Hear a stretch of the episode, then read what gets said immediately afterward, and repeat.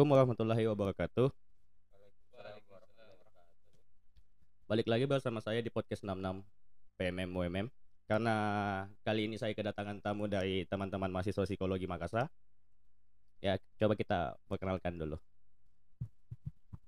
Ya, saya Muhammad Nur Fiki Ahmad, mahasiswa psikologi dan sekarang sedang menjabat sebagai presiden mahasiswa BEM Kemfpes UNM. Eh, saya Awang Ilmiah, sama tadi mahasiswa psikologi Universitas Negeri Makassar dan se- sekarang sementara menjawab di BEM Fakultas Psikologi. Ya, kebetulan kita datang dari teman-teman psikologi. Eh, yang saya mau bahas ini tentang new normal dari pandangan teman-teman mahasiswa psikologi. Apa sih itu tentang new normal? Kalau setahu saya sih terkait new normal ini adalah konsep yang hadir untuk mengatasi permasalahan yang ada di situasi pandemi. Nah, new normal sendiri yang saya ketahui itu adalah bagaimana membuat suatu pembiasaan terhadap kondisi yang sebenarnya tidak biasa atau baru dihadapi oleh teman eh, masyarakat seperti itu. Jadi adanya pola-pola pembiasaan terhadap eh, hal-hal baru yang muncul di masyarakat. Mungkin seperti itu sih kalau terkait new normal. Kalau teman yang satunya Ya, kan, kan ini new- normal hadir sebagai bagaimana pembiasaan kita terhadap perilaku di masa pandemi ini. Nah, di pemerintah mencanangkan new normal ini sebagai bentuk bagaimana kita eh, beradaptasi dengan keadaan sekarang. Nah, bagaimana kita berdamai dengan virus COVID-19 ini. Nah, dan bentuk-bentuknya itu seperti kayak pengguna masker.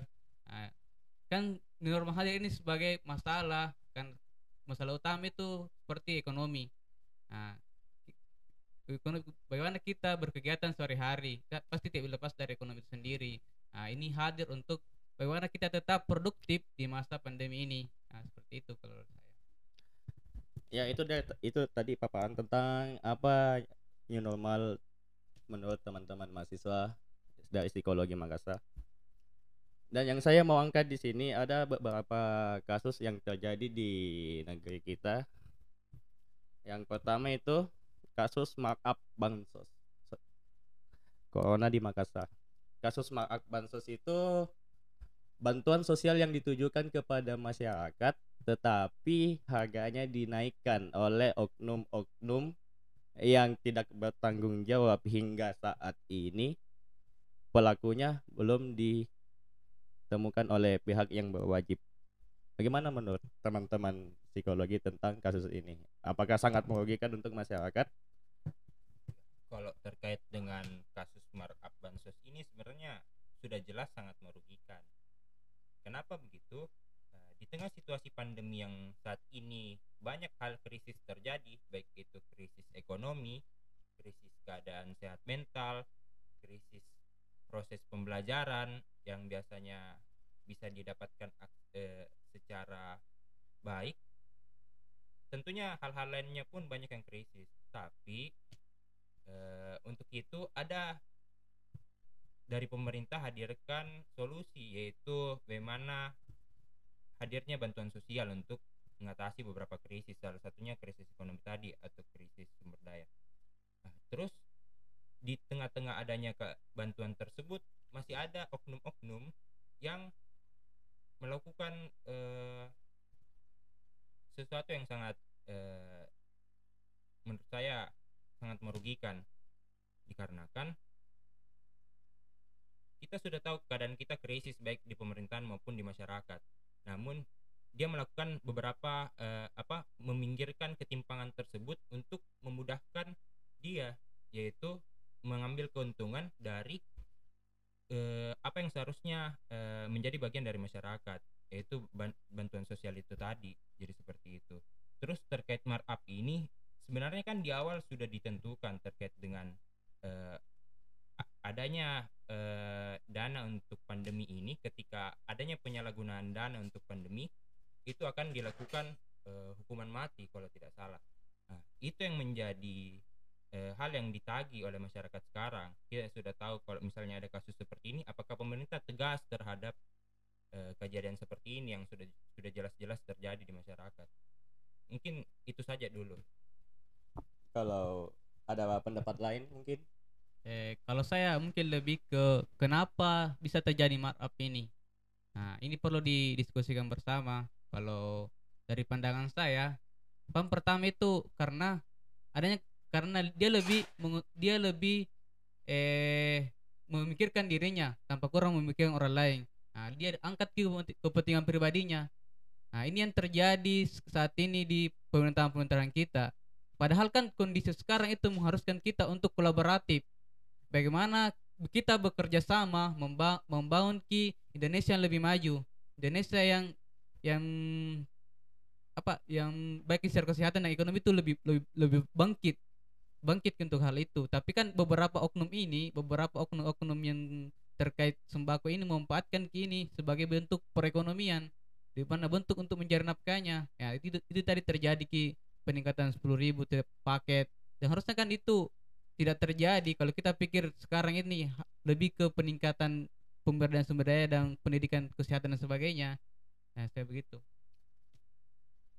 kalau tadi di sudah berpendapat tentang maaf bansos. Apakah mental masyarakat yang sangat-sangat tidak maksud maksud maksud saya yang sangat-sangat tidak apa ya yang mungkin belum bisa menerima kan ada yang memang mental memang belum siap mental yang memang dia langsung dalam keadaan emosi dalam keadaan emosi yang tinggi sehingga menyebabkan konflik. Apakah itu sangat-sangat atau bisa dibilang sewajarnya karena memang masyarakat sangat butuh bantuan ini yang sudah di markup oleh apa pelaku yang belum ditemukan Eh, kalau kita berpikir bagaimana mentalnya, nah, kita harus lihat dulu. Kalau secara kajian psikoanalisa itu dia mental kan dia berangkat dari pengalaman-pengalaman selalunya. Nah, bagaimana kini pengalamannya peng- peng- pengalamannya nih orang-orang orang yang melakukan marap ini? Ini harus cari tahu dulu. Nah, eh, kalau dari yang saya pahami itu eh dia ada terjadi ada sesuatu kebutuhan yang tidak terpenuhi di di pengalaman sebelumnya. Nah, kenapa dia melampiaskan ki hal-hal tersebut pada keadaan sekarang? kalau tadi itu dari saudara Awan itu terkait dengan sang pelaku kalau saya lebih melirik ke masyarakatnya itu sendiri. Ini terkait dengan perilaku kelompok. Nah, sebelum itu eh, dalam kajian psikologi kelompok ada juga namanya JEWARS atau Conflict Early Warning Early Response. Nah di situ kita bisa melihat ini sebenarnya kasus eh, yang merugikan sekelompok ataupun kelompok. Bisa kita lihat eh, sebutlah kelompok masyarakat lah seperti itu. Nah, adanya tadi kecemasan-kecemasan yang terjadi di si- situasi pandemi terkait dengan lingkungan, bagaimana dia menghadapi eh, apa ketidakamanan dalam hal kesehatan, terus juga ketidaknya apa kecemasan terhadap kondisi perekonomian, ditambah lagi kecemasan terkait apakah dia bisa percaya dengan eh, pejabat publik atau tidak. Nah, ini yang perlu diperhatikan juga seperti itu. Nah, ketika tidak adanya trust terhadap itu, nah otomatis kebijakan-kebijakan yang dikeluarkan mungkin ataupun bisa jadi itu tidak diindahkan sehingga adanya chaos terhadap eh, apa yang dikeluarkan oleh me- pemerintah mungkin bagus terkait kebijakan, tapi karena tadi pemerintah tersebut menghancurkan trust terhadap yang dimiliki oleh masyarakat terhadap pemerintah, sehingga kebijakan itu bisa dibilang tidak baik karena tidak bakal dijalankan. Mungkin gitu sih. Jadi menurut teman-teman ini ada dalam tanda kutip apakah ada yang dikambing hitamkan atau memang banyak korbannya atau memang ini sebuah permainan yang terjadi di belakang? sebenarnya kalau misal terkait dengan markup dana bansos ini banyak hal yang perlu diperhatikan. Mungkin ini bisa jadi hal yang tidak terlalu disadari karena pada akhirnya eh, pada kronologinya kan di kejadian eh di tempat kan masyarakat dapat bantuan sosialnya. Tapi ternyata di balik apa yang didapat sama masyarakat seharusnya bisa lebih atau bisa lebih banyak baik itu lebih banyak yang dapat ataupun lebih banyak yang dia dapatkan. Nah, itu lagi terkait dengan melihat kondisi itu seberapa banyak yang bisa dapat terus siapa di balik hal ini siapa yang melakukan markup terus siapa siapa saja yang terlibat dan untuk apa dilakukan markup ini? Apakah mungkin ada bantuan lain? Nah, kalau misal positif seperti itu yang tidak mau dilihat perlihatkan pemerintah makanya di markup atau ada memang dialihkan ke rekening pribadi? Kalau menurut teman psikologi atau ada pendapat lain? Eh, kalau saya mungkin eh, melihat dulu dari mekanismenya tuh, mekanismenya kenapa dari bansos ini tuh. Nah, bansos kan dia bagian dari Kementerian Sosial. Nah, sebelum sampai ke rakyat ini banyak banyak perpanjangan ta- perpanjangan tangan mulai dari siapa yang tender ki, siapa yang pihak pihak pertama, pihak kedua dan ketiga. Nah, ini contohnya yang tender gitu, yang tender ki ini. Mungkin dia eh di sini mungkin saja ini di sini kalau saya berasumsi tuh, kalau saya berasumsi di sini mungkin saja ada permainan di sini. Nah, di sini mungkin eh harga yang dimainkan ataupun ataupun bentuk paketnya yang dimainkan. Cont- Contohnya kayak Indomie bisa jadi termi. Itu kan secara harga tuh, secara harga itu mungkin saja secara harga itu pasti kurang gitu. Nah, mungkin saja ini dimainkan. Belum lagi kalau masuk lagi ke instansi pemerintah yang terkait kan dari Kementerian Sosial ke Dinas Sosial. Nah, ini lagi Dinas Sosial ada lagi yang ada lagi yang aneh ini yang eh, ada lagi ke ke desa baru bisa bisa ke masyarakat. Eh, kan dari dari ketiga hal ini mungkin saja terjadi permainan atau mungkin kita tahu bagaimana di belakangnya. Ah. Mungkin kayak saya, saya itu saja. sedangkan merupakan dana bansos yang dimaaf ini sudah berdampak sangat untuk masyarakat apalagi tentang stigma sosial di masyarakat bagaimana sih pendapat anda tentang stigma sosial di masyarakat terkait corona ini karena yang saya tahu banyak teman-teman atau keluarga teman-teman saya di luar sana yang keluarganya mungkin terjangkit atau terkena virus corona dia di stigma negatif. Kayak nggak usah di sini jangan di sini jangan tidur di sini ini sendok untuk anda saya pakai sendok untuk saya untuk makan sehingga kayak seolah-olah padahal keluarganya sendiri di diskriminasi. Mungkin kalau terkait stigma sosial ya eh, perlu diketahui dulu terkait stigma. Stigma kan pelebelan terhadap suatu hal baik yang lebih ke arah negatif sebenarnya kalau kita mau lihat. Nah, terus terkait stigma sosial ini ketika dikaitkan dengan corona terus melihat di melihat keadaan di masyarakat ya itu tadi memang tidak bisa lepas karena ada beberapa hal kenapa bisa muncul stigma. Eh, pertama karena kecemasan orang terhadap hal-hal baru. Tidak bisa dipungkiri orang kan ketika melihat hal baru yang belum diketahui eh, lebih berhati-hati seperti itu. Kedua itu tadi persepsi orang terhadap hal negatif yang melekat terhadap orang itu. Eh, ketiga mungkin lebih ke eh, cepatnya orang menar- menarik kesimpulan. Jadi ketika tadi ada keluarga yang terkena eh, eh, apa virus corona ini atau bisa dibilang eh, masih suspek ataupun sudah terkena nah, kan itu yang menjadi kekhawatiran masyarakat di dunia sekarang. Nah, besar sekali hal yang bisa dilekatkan kepada orang itu. Nah, terus output yang keluar dari orang yang terkena itu kebanyakan eh, sangat buruk yaitu bisa mencapai kematian ataupun eh, mengalami keadaan krisis orang takut terhadap itu. Menempel menempelkan eh, label terhadap orang tersebut adalah salah satu eh, cara dia untuk menjauhkan dirinya dari hal tersebut. Jadi dia lebih melihat orang itu sebagai ancaman bukan sebagai orangnya tapi apa yang melekat sama di diri eh, diri orang tersebut. Seperti itu sih kalau terkait stigma Iya tadi menarik yang disampaikan saudara saya ini tuh tentang stigma ini. Nah, kan ini eh, stigma hadir kan dia tentu stigma terhadap ini eh, COVID-19 itu karena pertama kan dia ada rasa takut takut untuk dia kenaki juga corona. Nah, seperti di sini eh, rasa takut itu mulai dari ada rasa rasa cemasnya, rasa cemasnya bilang dia tidak mau kena ini. Nah, terus kalau dilihat dari sebenarnya dari struktur gennya juga manusia pasti ada namanya gen egois. Nah, gen egois ini. Nah ini yang ini yang oh dari gen ada gen egois namanya gen egois tuh gen egois. Nah eh ini yang memikirkan manusia untuk dia pikirkan saja kepentingan sendiri. Dia kurang ki- melihat kepentingannya orang lain. Berangkat dari ke- dia eh kepentingan kepentingan ini yang, selalu dia naikkan bukan kepentingan orang lain. Dari situ kan muncul stigma stigma ter, eh ujung stigma ini hadir dari dia pentingan ke dari karena dia pentingan ke dia lihat ke orang lain sebagai suatu ketakutan. Kalau saya dari situ. Jadi menurut teman-teman dari psikologi ini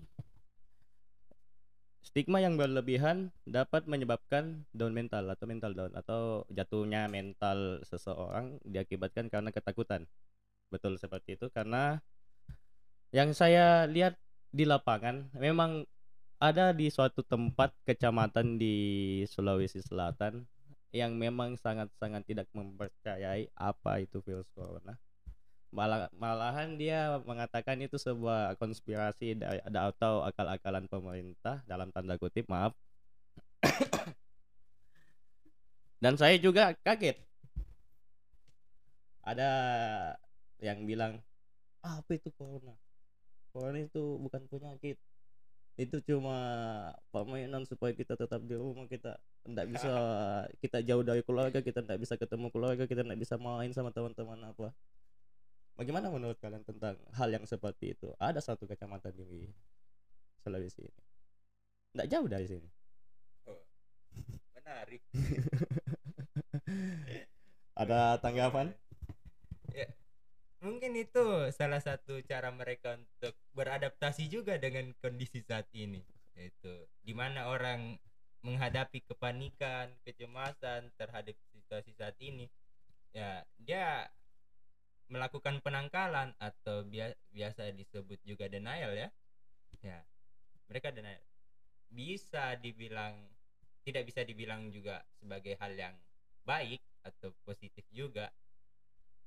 Tapi eh, setidaknya eh, proses ataupun eh, stigma mas- eh, sosial ini tidak terjadi di kalangan mereka. Itu hal salah satu hal positif yang terjadi.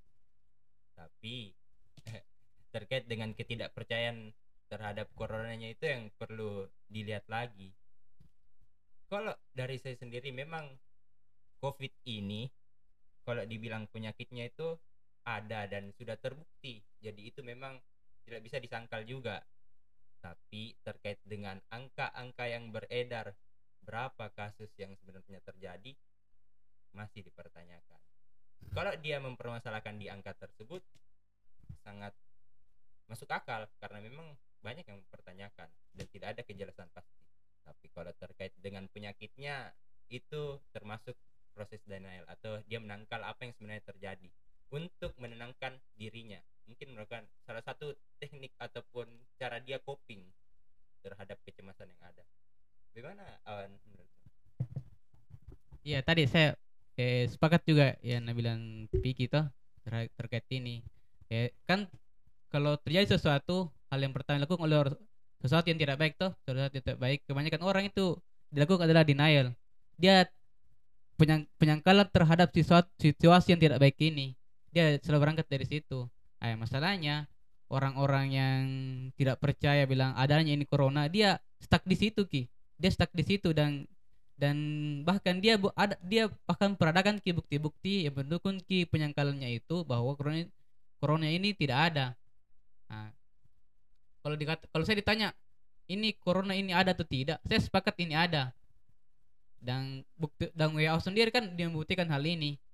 Dan banyak dan banyak dampaknya juga terakhir contoh, contohnya kan kematian contohnya kematian diakibatkan oleh corona ini bahkan banyak itu nah, saya sepakat tadi yang dikatakan oleh saudara saya bahwa eh yang harusnya kita pertanyakan adalah bukan ada atau tidaknya corona tapi data manipul datanya datanya ini orang-orang yang terkena dampaknya ini itu yang saja ada orang yang meninggal. Apa betul itu disebabkan oleh corona?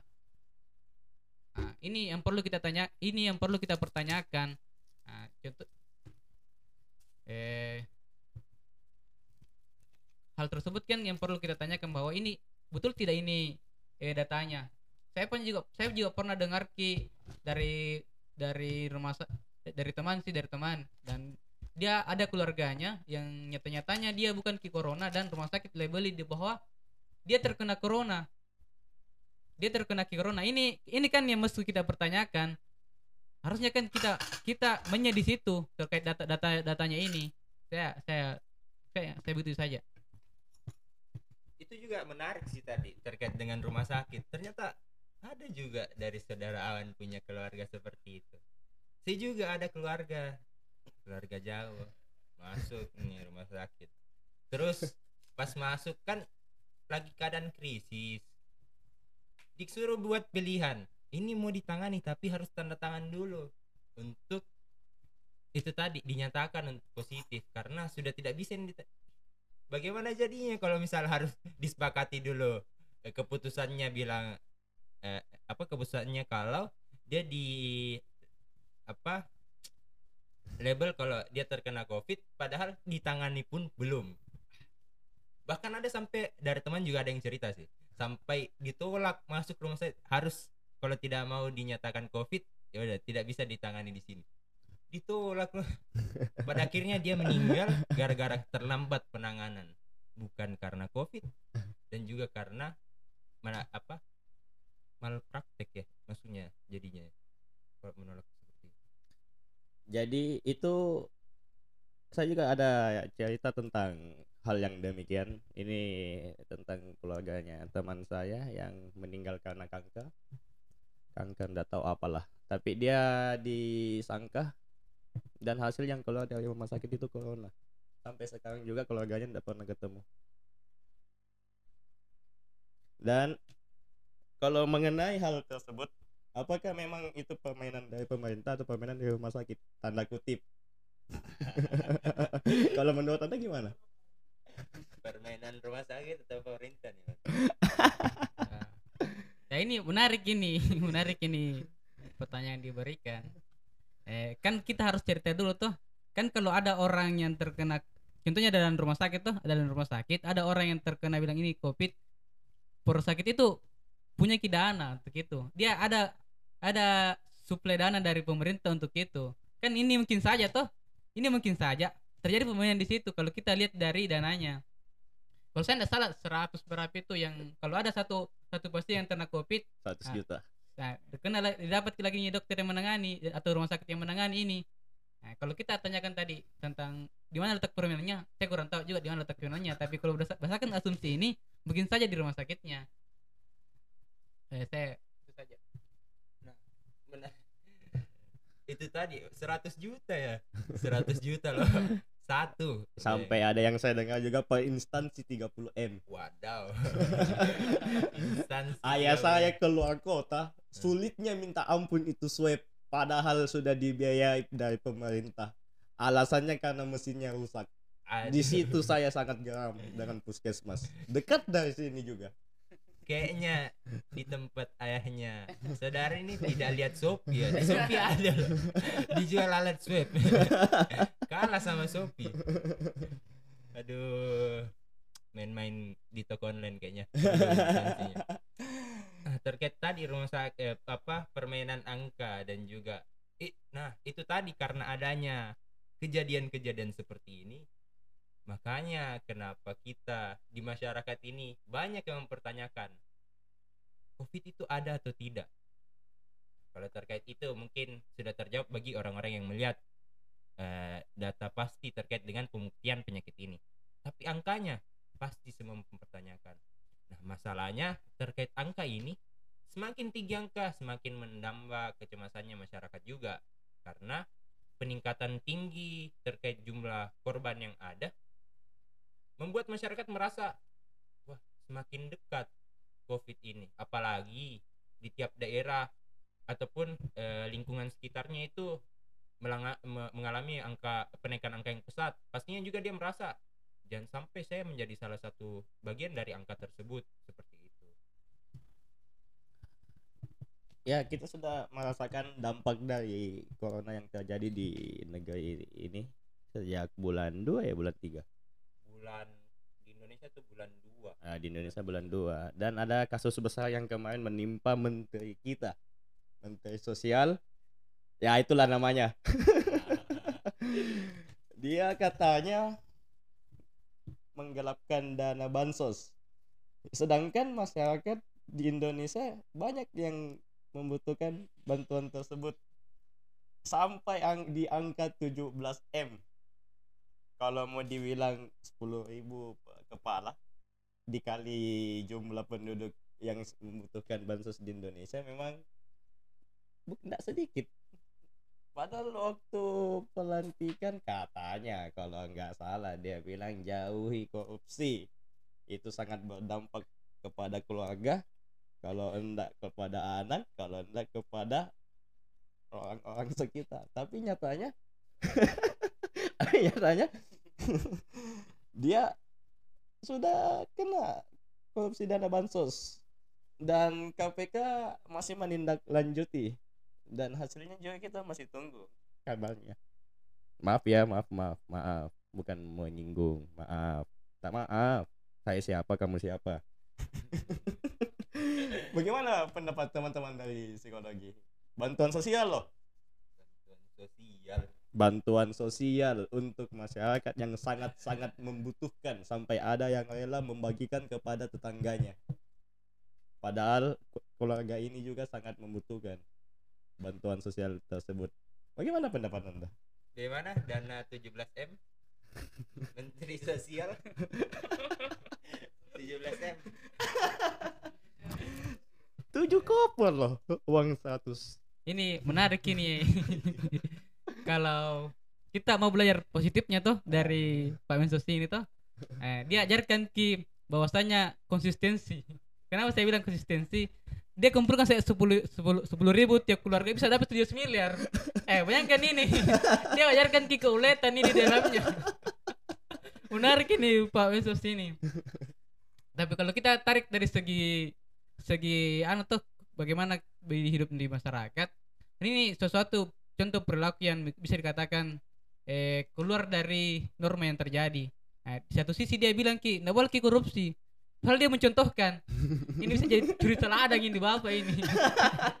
Mungkin dia bilang jauhi korupsi Saya saja yang mendekat. Iya, Jangan dekat-dekat korupsi Cukup saya. Mungkin maaf Mungkin. Mungkin seperti itu. Tapi Iya. menariknya di situ. Ada apa Setidaknya ada pelajaran sedikit. Sebelum kita membahas terkait dengan kerugian di masyarakat yang dibilang tadi 10.000 ribu per kepala 17 miliar jadinya. Tapi kalau dia kalau kita melihat dari kerugian yang terjadi di masyarakat sangat sangat sangat patut disayangkan. Karena ini menteri sosial harusnya sangat peka dan sangat perhatian kepada kehidupan sosial dari masyarakat yang ada justru menyewel me- apa menyewelengkan Oh, iya. iya Lalai lalai ya. lalai terhadap kerja-kerjanya untuk melakukan itu tadi eh, pemerataan atau penstabilan kondisi sosial di masyarakat. Banyak berita yang sudah beredar terkait bagaimana eh, orang-orang yang tidak bisa bertahan di situasi pandemi mengalami krisis ekonomi, ada yang mati di jalan karena kelaparan, ada yang sampai seperti itu. Dan dia masih konsisten kumpulkan 10.000 ribu. Aduh. Aduh, 17M. itu juga kalau misalnya mau dijadikan alat swab kan swab sekarang banyak yang bayar itu sampai Iya, 200 lah. 200 ya? Sekian lah. ada yang satu juta Ada, ada. mungkin untung 800 Iya. Saya suka dari teman-teman psikologi. nah, itu swab bayangkan kalau 17 m dipakai untuk swab kayaknya sampai yang masih dalam kandungan bisa di swab juga Jangan kan dalam kandungan yang belum direncanakan sudah bisa. uang untuk perencanaan. Menteri sosial bapak Jadi teman-teman ini kuliah online ya? ya, kuliah online Hmm, di tengah yang kita rasakan ini saya juga seperti itu kuliah berbasis online atau kuliah jarak jauh. Ada satu kasus di kota kita ini seorang siswi SMA bunuh diri karena beban tugas daring. Dinas Pendidikan duga ada motif asmara. Ini yang saya mau angkat siapa yang disalahkan gurunya kah? Pacarnya kah? Dinas Pendidikan kah? Atau pihak sekolah kah atau dirinya sendiri karena bunuh dia karena dia apa? Bunuh diri karena online. Sekolah online maksudnya. Eh, tunggu dulu itu bunuh diri karena sekolah online tadi nih. Ya, tapi ya. eh, dugaannya dinas dugaan dinas pendidikan ada motif asmara. Dugaan dinas pendidikan ada motif asmara. Covid tidak ada. Ada. Karena covid juga bunuh dirinya. Kan kita kul- kan kita Oh, iya. pembelajaran online karena covid, Tapi tidak di label covid. enggak di label oh covid. iya. Artinya dia bisa dapat dana Ah, ah. Iya.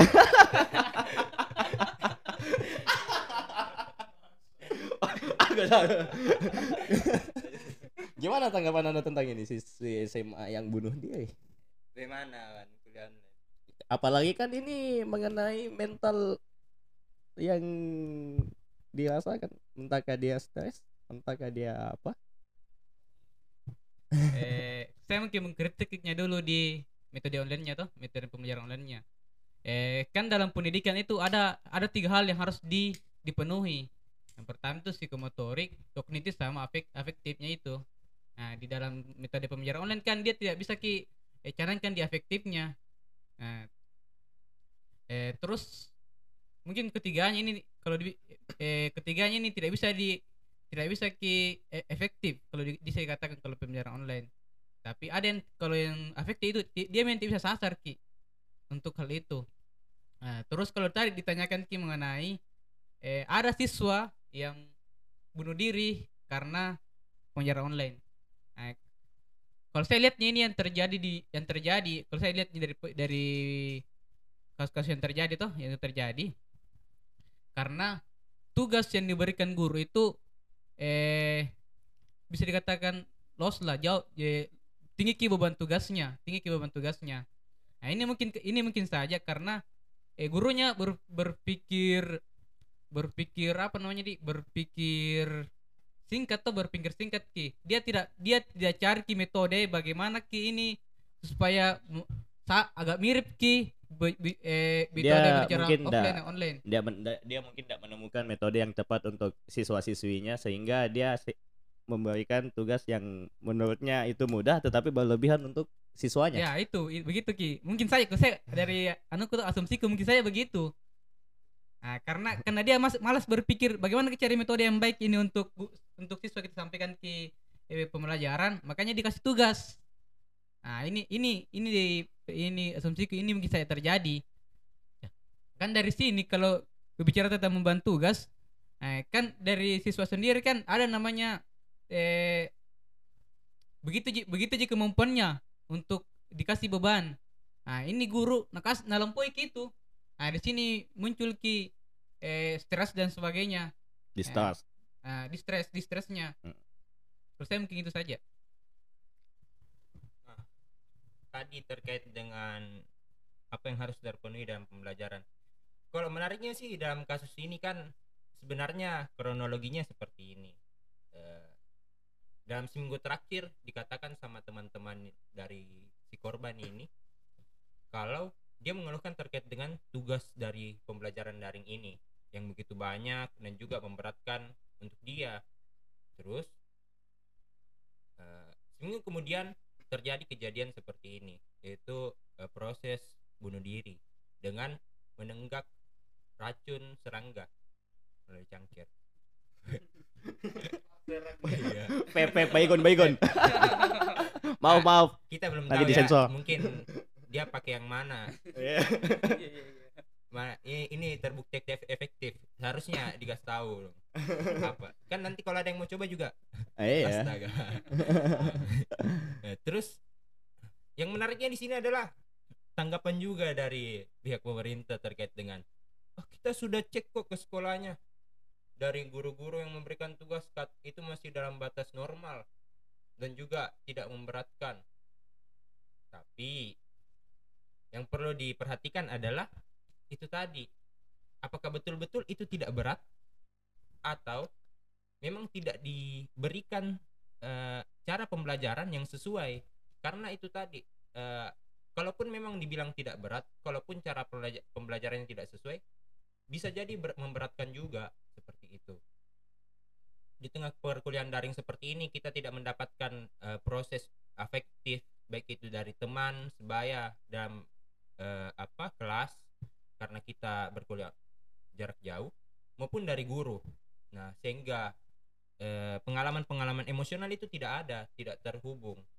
Lebih ke pemberian itu tadi eh, materi pembelajaran saja secara kognitif. Terus juga eh, ketika melakukan proses pembelajaran juga apa kesan kesan berat itu yang menghantui karena setiap pembelajaran diberikan tugas dan tugas itu memberatkan sehingga itu yang membuat dia malas juga kalau di eh, apa eh, diskusi-diskusi yang dilakukan di teman-teman psikologi salah satunya ada namanya stres akademik. Stres akademik itu ter, eh, sebelum itu kan stres itu terjadi akibat kecemasan-kecemasan yang ada. Nah, stres merupakan proses di mana kita tidak bisa mengha- eh, apa ya menghadapi ya menghadapi sesuatu yang berlebih menurut kita seperti itu. Tapi kalau terkait st- stres akademik itu tadi berkaitan dengan proses-proses akademik. Terkait dengan beban ba- beban tugas proses pembelajaran yang tidak sesuai metode yang tidak sesuai juga. Terus juga eh dari pemerintah juga ini katanya ketika melakukan cross check terkait dengan saya sudah ke sana kok tapi eh sa- saya sudah coba jaringan di sana. Kan salah satu yang dikeluhkan terkait jaringan ya. Kita jaringan di Indonesia ini sangat abstrak ya. Ada yang Iya. lancar ada yang tidak. Ada yang lancar ada yang tidak. Ada yang teriji ada yang ya itulah. Terus dia bilang saya buka media sosial kok bisa? Mungkin pakai salah satu provider yang mendukung. Tapi Iya. kan kalau yang anak ini kalau misal pakai yang tri atau apa yang Ya, belum merata lah. Iya belum merata. Kan biar buka browser saya tidak bisa. Bagaimana bisa proses pembelajaran? Itu harusnya menjadi perhatian bukannya malah menyalahkan wah ini ada terkait asmara. Ini terkait untung bukan ke covid ya. Iya, Oh, ini karena covid ini. Ah. Positif covid tuh. Untung tidak seperti itu. Iya. Itu yang harusnya jadi perhatian. Jadi itu juga di eh, apa hal yang menurut saya miris. Karena bukan harusnya bukannya mengalihkan terkait dengan praduga lain tapi harusnya lebih ke melihat oh ada ketimpangan yang terjadi dalam proses PJJ ini. Tidak merata kita melakukan proses PJJ harus ada evaluasi. Ada bagian-bagian yang sekiranya masih belum merata atau masih eh, apa timpang perlu ditunjang supaya bisa merata pembelajaran sehingga tidak terjadi lagi kasus seperti ini. Jadi menurut teman-teman korban tersebut mengalami mental disorder atau mental illness. Apakah demikian gangguan mental sehingga dia mengakhiri hidupnya akibat stres atau tekanan ego yang sangat tinggi sehingga dia tidak bisa sehingga dia tidak bisa apa mengendalikan dirinya. Kalau melihat dari situasinya sih memang ada eh, apa gangguan yang terjadi Eh, tapi perlu, perlu teman-teman ketahui gangguan mental itu bukan hanya hal-hal yang berat ada hal-hal ringan seperti stres juga termasuk seperti itu.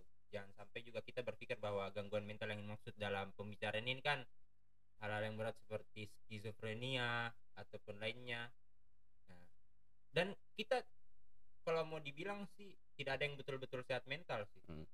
tapi setidaknya ketika kita bisa berdamai dengan diri sendiri dan juga beradaptasi terhadap lingkungan ada kemungkinan untuk eh, kita eh, mendekati sehat mental yang dimaksud. Tidaknya kita bisa melakukan proses kehidupan sebagaimana biasanya. Jadi memang ada ada indikasi untuk hal itu. Adanya tadi stres yang berlebih dan juga tidak adanya proses coping yang me- mengsanggupi yang bisa dilakukan oleh si korban ini untuk Atau- mengatasi stresnya. kurangnya juga dukungan keluarga Atau itu kurangnya perhatian dari juga. keluarga. Bagaimana saudarawan terkait ada mau yang di tambah silakan. Ya bisa juga seperti itu karena kurangnya dukungan dari keluarga tuh. Dia tidak ada tempat untuk bercerita lah. Sebagai konselor. iya se- sebagai konselor lah. Dia tidak ada tempat untuk bercerita. Kan ini ada masalahnya. Ada pasti kenapa orang bunuh diri pasti ada masalahnya? Kita berangkat dari situ ada masalahnya. Nah. Ada masalahnya tuh terus eh, ini orang butuh ki teman untuk bercerita teman untuk dia sampaikan ki masalahnya untuk berbagi masalah. Eh mungkin saja ini dia tidak dapatkan ki. Teman untuk berbagi masalahnya. Kan yang penting yang yang penting itu bukan ki- kita memberikan solusi tapi ada tempatnya untuk berbagi masalah. Nah ini mungkin saja dia tidak temukan ki tempat untuk berbagi masalah.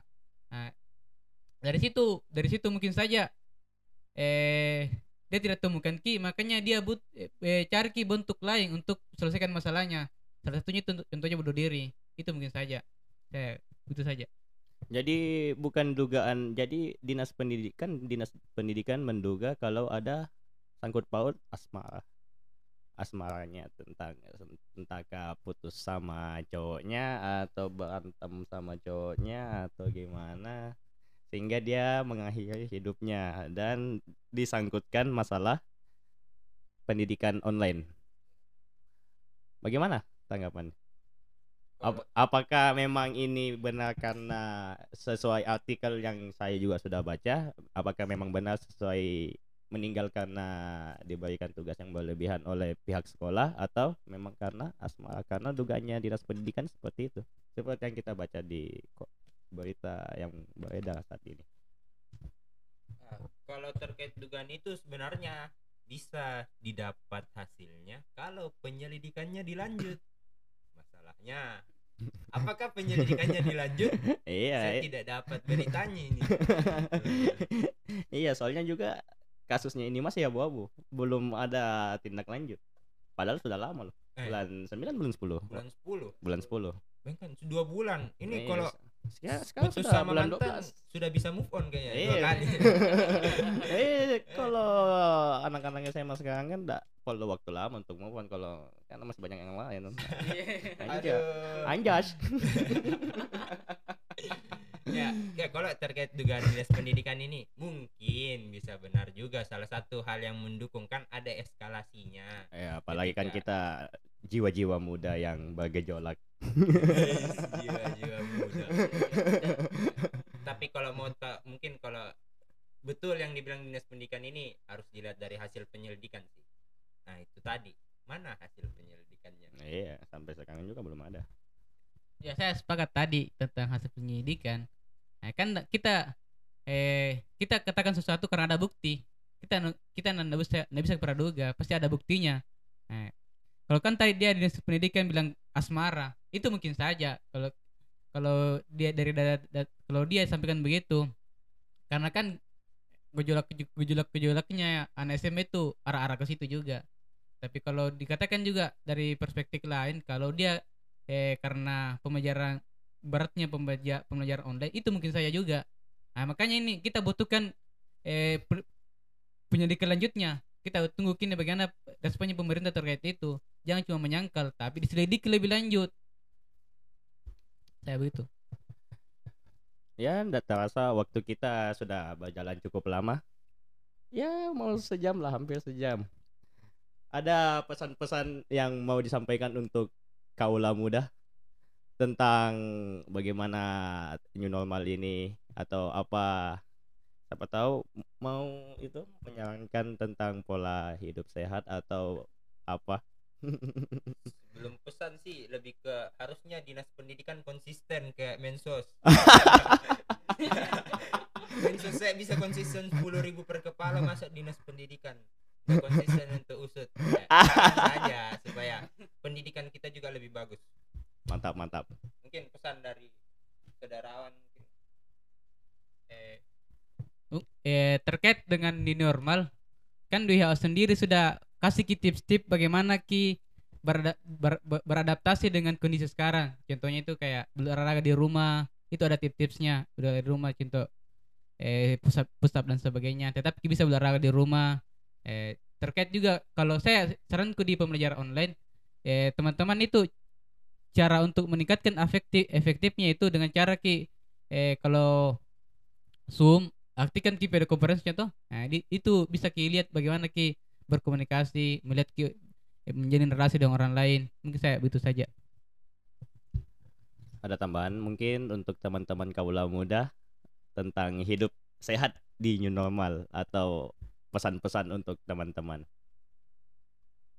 untuk kehidupan di new normal sih lebih ke ya semoga kita bisa beradaptasi. Tentunya banyak hal yang baru di kondisi seperti ini. Hadirnya new normal untuk memberikan memberikan kita solusi bahwa setidaknya daripada kita mempermasalahkan terkait hal-hal baru tersebut kita membuat pola-pola adaptasi baru. Nah salah satunya juga selain itu selain kita memperhatikan dengan kesehatan kita secara fisik dalam menghadapi ataupun menangkis penularan dari COVID itu sendiri, coba aware juga terhadap kesehatan mental. Setidaknya sebelum kita peduli terhadap sesama, lihat juga ke diri kita. Apa kita sudah sehat mental? Apa kita butuh bantuan orang? Apa kita butuh teman cerita ataupun ada permasalahan yang tidak selesai? Tentunya dijawab sama teman-teman masing-masing. Oke. Ya, sekian. Terima kasih untuk narasumber saya yang bisa bersempat hadir di kediaman saya. ya. Sekian dari saya selaku yang membuat podcast ini. Sampai jumpa. Wassalamualaikum warahmatullahi wabarakatuh.